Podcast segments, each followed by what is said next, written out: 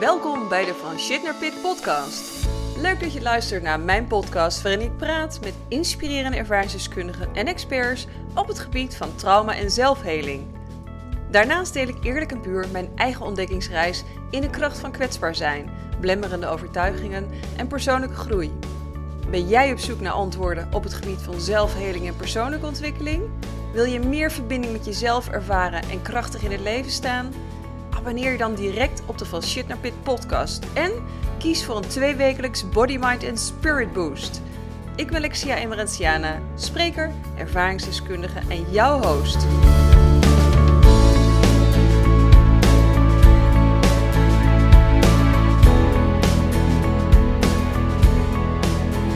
Hey, Lexia hier. Wat ontzettend leuk dat je kijkt naar de Van Shit naar Pit podcast.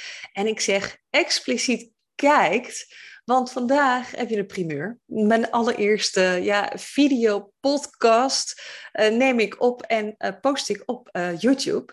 Voor de luisteraar die nu luistert via zijn favoriete podcast-app, ja, die kent mij al. Maar vandaag um, ja, ben jij de, de, eerste die mij via video ziet. En het is voor mij gewoon een experiment. Ik, ja, het lijkt mij superleuk om dat op deze manier uit te proberen. Um, we gaan het vandaag hebben over maskers. Um, ik weet niet of je eerder een podcast van mij geluisterd hebt. Je hebt net de intro gehoord over uh, ja, waar de podcast over gaat. Klein stukje uh, mezelf nog even voorstellen. Voor, uh, stel dat je nieuw bent en, en, geen idee hebt wie ik ben. Nou, Lexia Emerentiana, jouw host. Um, mijn ervaring is huiselijk geweld. Ik ben getuige geweest van huiselijk geweld op mijn zesde.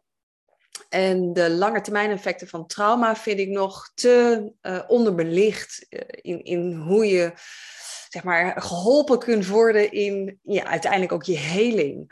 Want er zijn allerlei fasen en processen waar jij uiteindelijk met je trauma um, uh, geconfronteerd wordt. En in dit geval getriggerd wordt. En 9 van de 10 keer eigenlijk niet eens weet waar dat vandaan komt. Dus waar, waarom je voelt wat je voelt in het volwassen leven of als kind.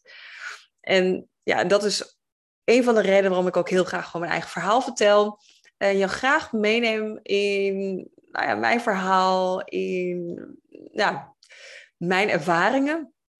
Zodat jij hieruit dan ook weer jouw, um, nou hoe zou ik het zeggen, wat, wat punten kunt halen waarvan jij denkt, hé, hey, dat is heel herkenbaar. En hopelijk kan ik je dan ook daadwerkelijk ook echt wat waarde meegeven, wat inzichten, zodat jij nou ja, ook inzicht krijgt in jouw eigen gedrag, in je patronen. Want ik denk dat dat heel belangrijk is om te weten waar het vandaan komt. We gaan het vandaag hebben over maskers.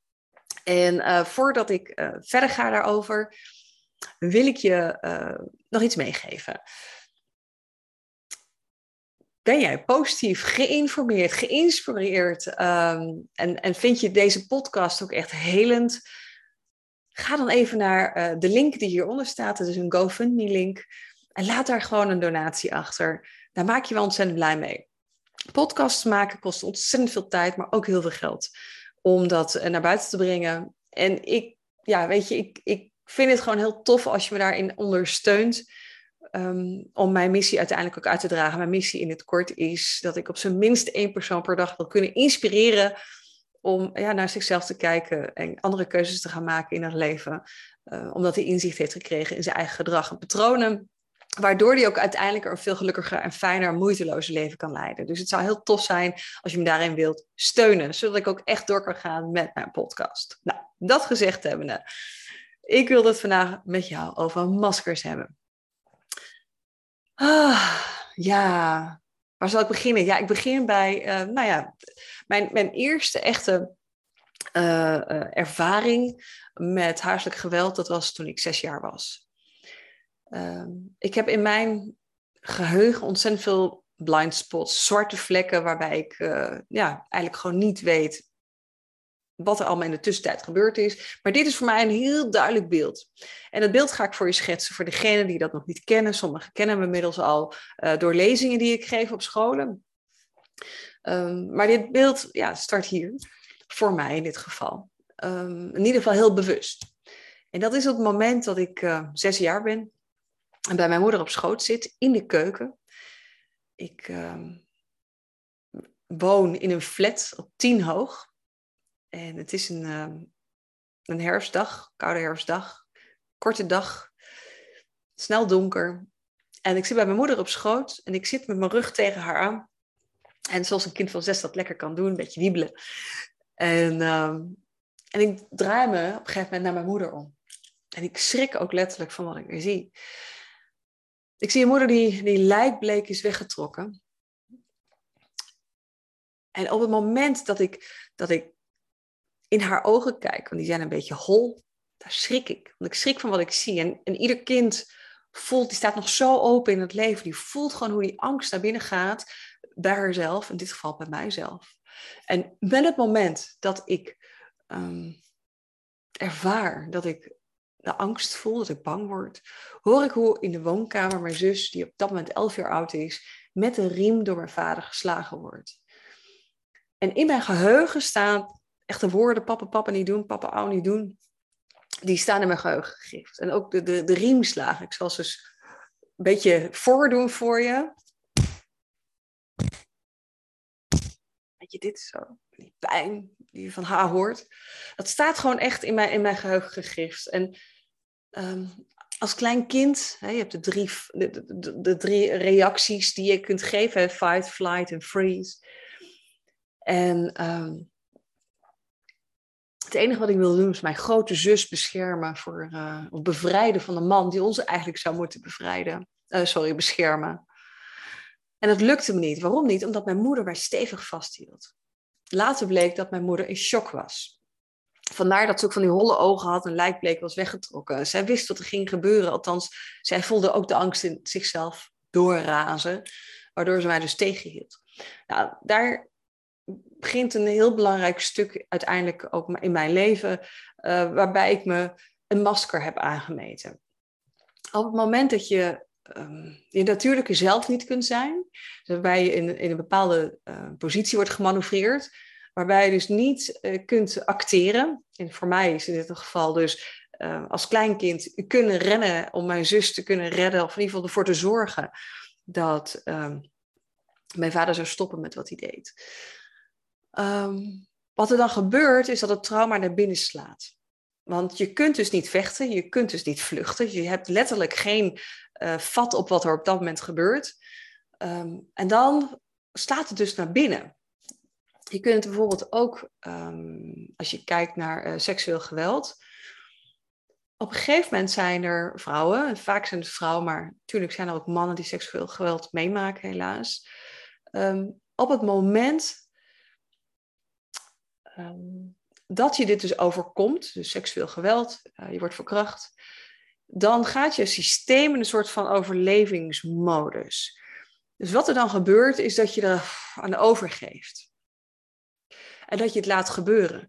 Dat is niet omdat je ja zegt, dat is niet omdat je het fijn vindt, maar dat is een reactievermogen in je systeem, in je onderbewustzijn, um, om ervoor te zorgen dat het snel voorbij is ik heb me door mijn zus laten vertellen dat voor haar op een gegeven moment ook het geval was. Op het moment dat ze iedere keer weer geslagen werd, uh, had ze een soort van out-of-body experience. Uh, en wist ze op het moment dat ze, dat die uitschakeling had, dat ze dan ja, dat het sneller voorbij zou gaan. En dat ze ook minder last van zou hebben. Maar goed, voor mij in dit geval, ik kon mijn zus niet redden. En um, het moment dat ik dus tegen word gehouden, slaat het bij mij naar binnen. En wat er dan op dat moment gebeurt, is dat er daar bepaalde um, ik, belemmerende overtuigingen ontstaan. Ik ben te klein. Uh, ik ben niet goed genoeg. Ik mag er niet zijn. Dat zijn er in ieder geval al drie. Zullen er nog een paar meer zijn geweest. Ja, en dat slaat zo op in je, in je, ja, je onderbewustzijn, maar ook op celinformatie. Want op het moment dat je dus niks kunt doen, dan gaat dat dus in je cellen opgeslagen worden.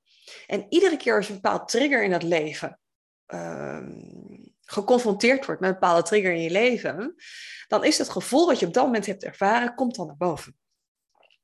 En uh, mijn vader is uh, behoorlijk dominant. heel luidruchtig. En, ehm, en iedere keer als mijn vader uh, zijn stem verhief, ook al was het zelfs in gezelschap met plezier. Hij wilde altijd het grootste woord hebben. En die toon die hij dan aansloeg, maakte dat ik in, in elkaar dook, om liefst onder de tafel ging zitten, ver weg bij hem vandaan. Nu weet ik waar het vandaan komt. Het komt vanaf dat, van dat moment dat ik me letterlijk kleiner moet maken. Mijn moeder houdt me tegen, dus ik word kleiner gemaakt. En dat is een, een lijfelijke reactie. Wat uiteindelijk continu uh, manifesteert in je leven. Op het moment dat je getriggerd wordt op een bepaalde manier. En dat, ja, dat is heel divers. En een masker um, zet je uiteindelijk op om ja, iets niet te willen of te kunnen delen. En soms ben je niet eens van bewust dat je dat doet. Ik werd vroeger altijd Sunshine genoemd. Dat was mijn bijnaam. En als kind was ik altijd een vrolijke noot. Ehm, maar alleen maar vrolijk zijn bestaat bijna niet. Uh, maar voor mij was het in dit geval een masker om iets te maskeren, om, iets, ja, om niet geconfronteerd te worden met ruzie of met geweld. Uh, waardoor ik uiteindelijk een heel voorbeeldig meisje werd. En mijn moeder zei eigenlijk altijd tegen mij: Lex, die loopt niet zeven sleutels tegelijk, laat haar maar. Niet wetende dat ik uiteindelijk uh, juist veel meer van haar en van hem nodig had dan ze überhaupt hebben kunnen vermoeden. Simpelweg omdat ik niet liet zien wie ik was. En waarschijnlijk heb ik ook een soort van, weet je, uh, een soort van out-of-body experience gehad. Dat ik ja, een, een ander beeld van mezelf liet zien dan dat ik daadwerkelijk was. En dat is dat masker. En dat masker hielp mij op dat moment om te kunnen overleven. Om niet geslaagd te worden, om niet geconfronteerd te worden met het geweld. Maar als je dat mee gaat nemen naar ehm, het volwassen leven, de trigger blijft in dat systeem zitten. En ik noem het een jasje. Dat jasje, dat heeft me toen ik klein was heel erg goed gepast. Want het heeft ervoor gezorgd dat ik volwassen ben geworden. Maar dat jasje zit zo gegoten, ja, dat dat uiteindelijk, ehm, ja, dat is één maar het dient je op een gegeven moment niet meer. En ehm, ik had dat masker had ik ook nodig in mijn puberteit. Het masker van altijd die vrolijke dame zijn. Um, op een gegeven moment had ik al heel snel door, en daarom had ik ook bijna Sunshine, dat ehm, je door altijd heel vrolijk te zijn mensen aan je kon verbinden. Dus ja, wie was ik om, dat, om een ander masker op te zetten? Want dat masker zorgde ervoor dat ik me niet alleen voelde. Mijn zus die ging op haar 16 het huis uit en ik voelde me extreem alleen en in de steek gelaten, letterlijk. En, um, dus ik moest iets doen om die mensen aan mij te verbinden. En dat, daar bleek een talent voor te hebben om mensen aan mij te verbinden. Uh, op een gegeven moment uh, ging ik op mezelf wonen en mijn moeder die zei ook eigenlijk altijd tegen mij: Ik kan beter je post gewoon naar de kroeg sturen, want daar is dat is de enige plek waar je altijd bent. Ik hou ervan om me te omringen met mensen. En niet om in het middelpunt te staan, maar om gewoon simpelweg um, ja, omringd te voelen met energieën. Maar wat ik uiteindelijk altijd heb ervaren, is dat ik uiteindelijk ook altijd alsnog heel eenzaam was en voelde, ondanks dat ik me kon omringen met die mensen. Maar het positieve daarin was, was dat ik me in ieder geval altijd ehm, eh, toch ook wel een soort van gezien voelde. Want dat had ik thuis niet. Maar goed, in mijn opgroei heb ik uiteindelijk geen normale puberteit gehad. Want ja, op het moment dat je niet echt jezelf kunt zijn en dat je dus je anders voor gaat doen, in dit geval voor mij, om, om, om altijd maar vrolijk te zijn en um, ja, uit lijfsbehoud uiteindelijk, hè, om, om, um, om niet geslagen te hoeven worden of niet geconfronteerd te worden met geweld, uh, heb ik ook niet ja, uiteindelijk alle dingen kunnen doen uh, die waarschijnlijk een puber had gedaan. Ik kan me ook echt niet meer heugen uh, of ik ook echt streek heb uitgehaald. In ieder geval niet thuis. Dus dat kan ik me niet, uh, niet heugen. Ik was niet dwars, ik was niet brutaal of, of opstandig of zoiets. Kan ik me ook niet herinneren, heb ik ook nooit iets over gehoord. Um, dus ja, um, nu in mijn volwassen leven merk ik ook dat ik het best wel soms ingewikkeld vind om. Ehm, nou, laat ik het zo zeggen. Ik, ik, ik, ik heb wel het gevoel dat ik nu steeds dichter bij mezelf kom. Om te ontdekken wie ik echt ben en, en, en te onderzoeken wat ik echt wil. Maar ik vind het toch moeilijk, kan ik je zeggen. Maar goed. Um, ik leer. Ik leer ontzettend veel en dat vind ik het mooie van het hele leven. Het zijn prachtige processen. Um, maar goed, ik had het over het masker en ik, moet, ik wil niet uh, afdwalen. Kijk, um, het dragen van een masker is ontzettend prettig, want het beschermt je. Dus daar is helemaal niks mis mee. Maar ik had het net natuurlijk over uh, dat jasje wat je als gegoten zit. Maar dat heeft je beschermd in een bepaalde periode in je leven. Maar het gaat je dwars zitten uiteindelijk op het moment dat je gaat groeien. Dus als je ouder wordt. En um, uh, dus op het moment dat je dus het ouder wordt, ja, dan, dan kom je op een bepaald moment in je leven dat je denkt van wie ben ik nou daadwerkelijk? En ja, dat, dat is best wel een tocht om uit te zoeken. Wie ben je nou? Um, maar wat ik zeker ook als boodschap mee wil geven. Kijk, een, een masker opzetten is op zich niet verkeerd. Um, zolang je maar doorhebt waarom je doet wat je doet. Want we hebben natuurlijk heel veel rollen in het leven. zo zijn we partner, zo zijn we vrienden, vriendin, uh, ouder, uh, werknemer, werkgever, leidinggevende uh, en noem maar op. Kijk, het, soms heb je gewoon bepaalde maskers op te zetten. Maar het belangrijkste is eigenlijk uiteindelijk altijd dat je ook bij jezelf te raden gaat um, of dat masker wat je opzet ook echt past bij de persoon die jij bent. Past het masker dat jij opzet bij de persoon die jij bent? En als je erachter komt dat dat niet zo is, dan zul je daar ook een, een switch in moeten gaan maken. Uh, want op het moment dat we een masker opzetten, raken we steeds meer verwijderd van wie we in de kern zijn.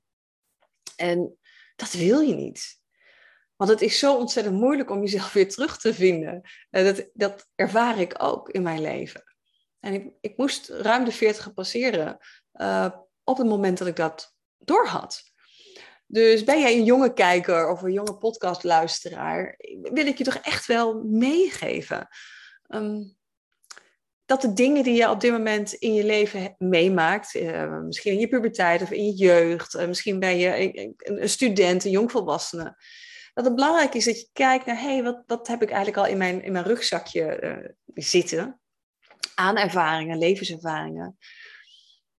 En wat zouden de lange termijn effecten daarvan kunnen zijn? En dan kan je wel een, een, een lange effect van mezelf voor jou als voorbeeld noemen dat is bijvoorbeeld dat ik um, mezelf altijd in het leven, in mijn werkbare leven, werkzame leven, heel klein heb gehouden. Heel klein. Um, ik was altijd, op de een of andere manier werd ik altijd geconfronteerd met hele dominante werkgevers. En met name leidinggevende managers. En werkte ik in een kleine organisatie, was het met een baas.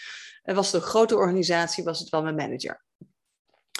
En op de een of andere manier um, wisten ze ja, weet je, iets bij mij voor elkaar te krijgen. Ik, ik voelde iets en ik ervaarde iets, maar ik durfde nooit um, voor mezelf op te komen. En dan voelde ik wel iets in mijn, in mijn buik, want daar zit je emotie opgeslagen. En de trigger die ik dan had, was dan de, de, de, de, de dominantie van die andere persoon. Maar ik heb het nooit echt kunnen herleiden. Maar ik voelde me altijd vreselijk ongelukkig op de werkvloer. Altijd. Ik, ik, ik heb zo ontzettend veel baantjes gehad. Um, het is mij gelukt om één keer vijf jaar ergens uh, te blijven. Ik heb in Holland Casino gewerkt. Maar ook daar was ik zo extreem ongelukkig. Zeker de eerste drie jaar. Ik werkte bij Holland Casino in Nijmegen. Uh, waarbij ik, toen was ik, ik moet even uit mijn hoofd, 1997. Ik was 23 jaar. Um, niet waar, 1998. Mei 98 heb ik examen gedaan. Ik was 24 jaar. Um, ik kwam daar op die werkvloer en al heel gauw werd ik geconfronteerd met uh, dames die het op mij gemunt hadden. Die allemaal een enorme grote bek hadden. Ehm, en ik was gewoon nog echt nog een heel jong meisje. En ik had al wel wat van de wereld gezien, want ik was net daarvoor was ik uh, stewardess geweest. Ook daar had ik een, een, een purser ontmoet die vond dat ik per se moest doen wat zij wilde. Uh, ik moest voornamelijk heel onderdanig zijn. En dat paste niet bij mij, dat onderdanige, doen wat een ander per se wilde. Ik wilde wat van de wereld zien. En ik werd bij Hond Casino ook geconfronteerd met um, dames die wel even dachten om mij een beetje onder die duim te houden. Jonge meid, ziet er leuk uit. Uh, ik moet eerlijk zeggen, ja, ik had ook wel wat bekijks. Um, maar ik vond dat heel intimiderend. De manier waarop zij mij um, benaderde, de manier waarop zij uh, bepaalde dingen over me zeiden, de manier waarop ze naar me keken. Het kwam enorm bij mij binnen. En ik had echt werkelijk geen idee waar ik dat aan verdiend had. Ik voelde, um, ja, het was gewoon één groot pestgedrag. Kon niet anders. Um, en zo heb ik het ook altijd wel ervaren. Maar dat wat ik bij hun voelde, kon ik op dat moment. Ik, ik snapte niet waar het vandaan kwam, maar ik had er een bepaald gevoel bij, waardoor ik me uiteindelijk ook heel erg blokkeerde. Uh, om dus niet in die verbinding te gaan met die vrouwen. Met die enorme dominante dames. En uh, kijk, ik weet nu, nu ik dit allemaal onderzocht heb, um, en nu ook weet hoe mijn lichaam op bepaalde zaken reageert, um, dat ik weet dat dominante mensen, ja, dat zijn de trigger voor um, ja, de emotionele gebeurtenis die ik in mijn leven heb meegemaakt. Dus dat ik mijn zus nooit heb echt heb kunnen beschermen. En dat ik ook letterlijk eh, mezelf klein heb moeten houden. Ik voelde bij die dames Hond Casino voelde ik piepklein. Piepklein. Want daar zorgden ze ook wel voor. Dus ik vond dat ontzettend moeilijk. En uh, heb daar ook echt nog heel veel last gehad. Ik heb in die periode echt nog een psycholoog bezocht. Maar um, inmiddels weet ik ook dat praatsessies mij niet helpen. Um, maar moest ik uiteindelijk veel meer lichaamsgericht gaan werken. En dat is ook wat ik heel graag in deze podcast um, uh, met experts ook aan jullie, met jullie wil delen. Er is zoveel meer dan alleen een praatsessie in de wereld, in Nederland. Er zijn zoveel mooie technieken, therapieën om jou te helpen van je trauma af te komen, om jou inzicht te geven in jouw eigen heling. Um, om ervoor te zorgen dat je dichter bij jezelf komt. Om uiteindelijk ook dat masker af te kunnen zetten. Dat jij gewoon jezelf mag zijn en dat je jezelf kunt zijn. Bij wie dan ook. Maar met name bij jezelf. Want dat is zo ontzettend uh, belangrijk uh, in je relaties, uh, met je partner, met je kind, met je, met je ouders, met je, met je familieleden, met je vrienden, vriendinnen, met je werkgevers. Het is zo ontzettend belangrijk ja, dat je leert steeds dichter bij jezelf te komen. Dat kan niet als je een masker opzet. Maskers zijn niet per definitie verkeerd, absoluut niet. Maar ik geloof er heel erg in dat als je laat leiden door een masker en dat je die op blijft houden, um, dan, wat je dan in de weg staat, is uiteindelijk groei. Groei in wie je bent. Um, het, het echt zijn wie je bent. En uh, ja, dat wilde ik vandaag toch wel heel graag met je delen. En, en um, ja, mijn ideeën daarover ventileren. Maar misschien nog veel belangrijker, um, misschien ook wel eens na te denken over welk masker um, draag jij momenteel? En misschien welk masker past niet meer bij je. En denk daar eens over na. Ga daar eens de komende dagen mee aan de slag. En denk, hey, wat doe ik eigenlijk altijd in mijn gedrag en mijn patroon? En dient dat mij nog wel in het leven? Want ik denk op het moment dat je dat laat varen, als je daar op een andere manier tegenaan gaat kijken, een andere manier mee omgaat, leert omgaan, um, dat het zoveel meer lichter wordt. En er zal ongetwijfeld een reden zijn waarom je masker ophoudt.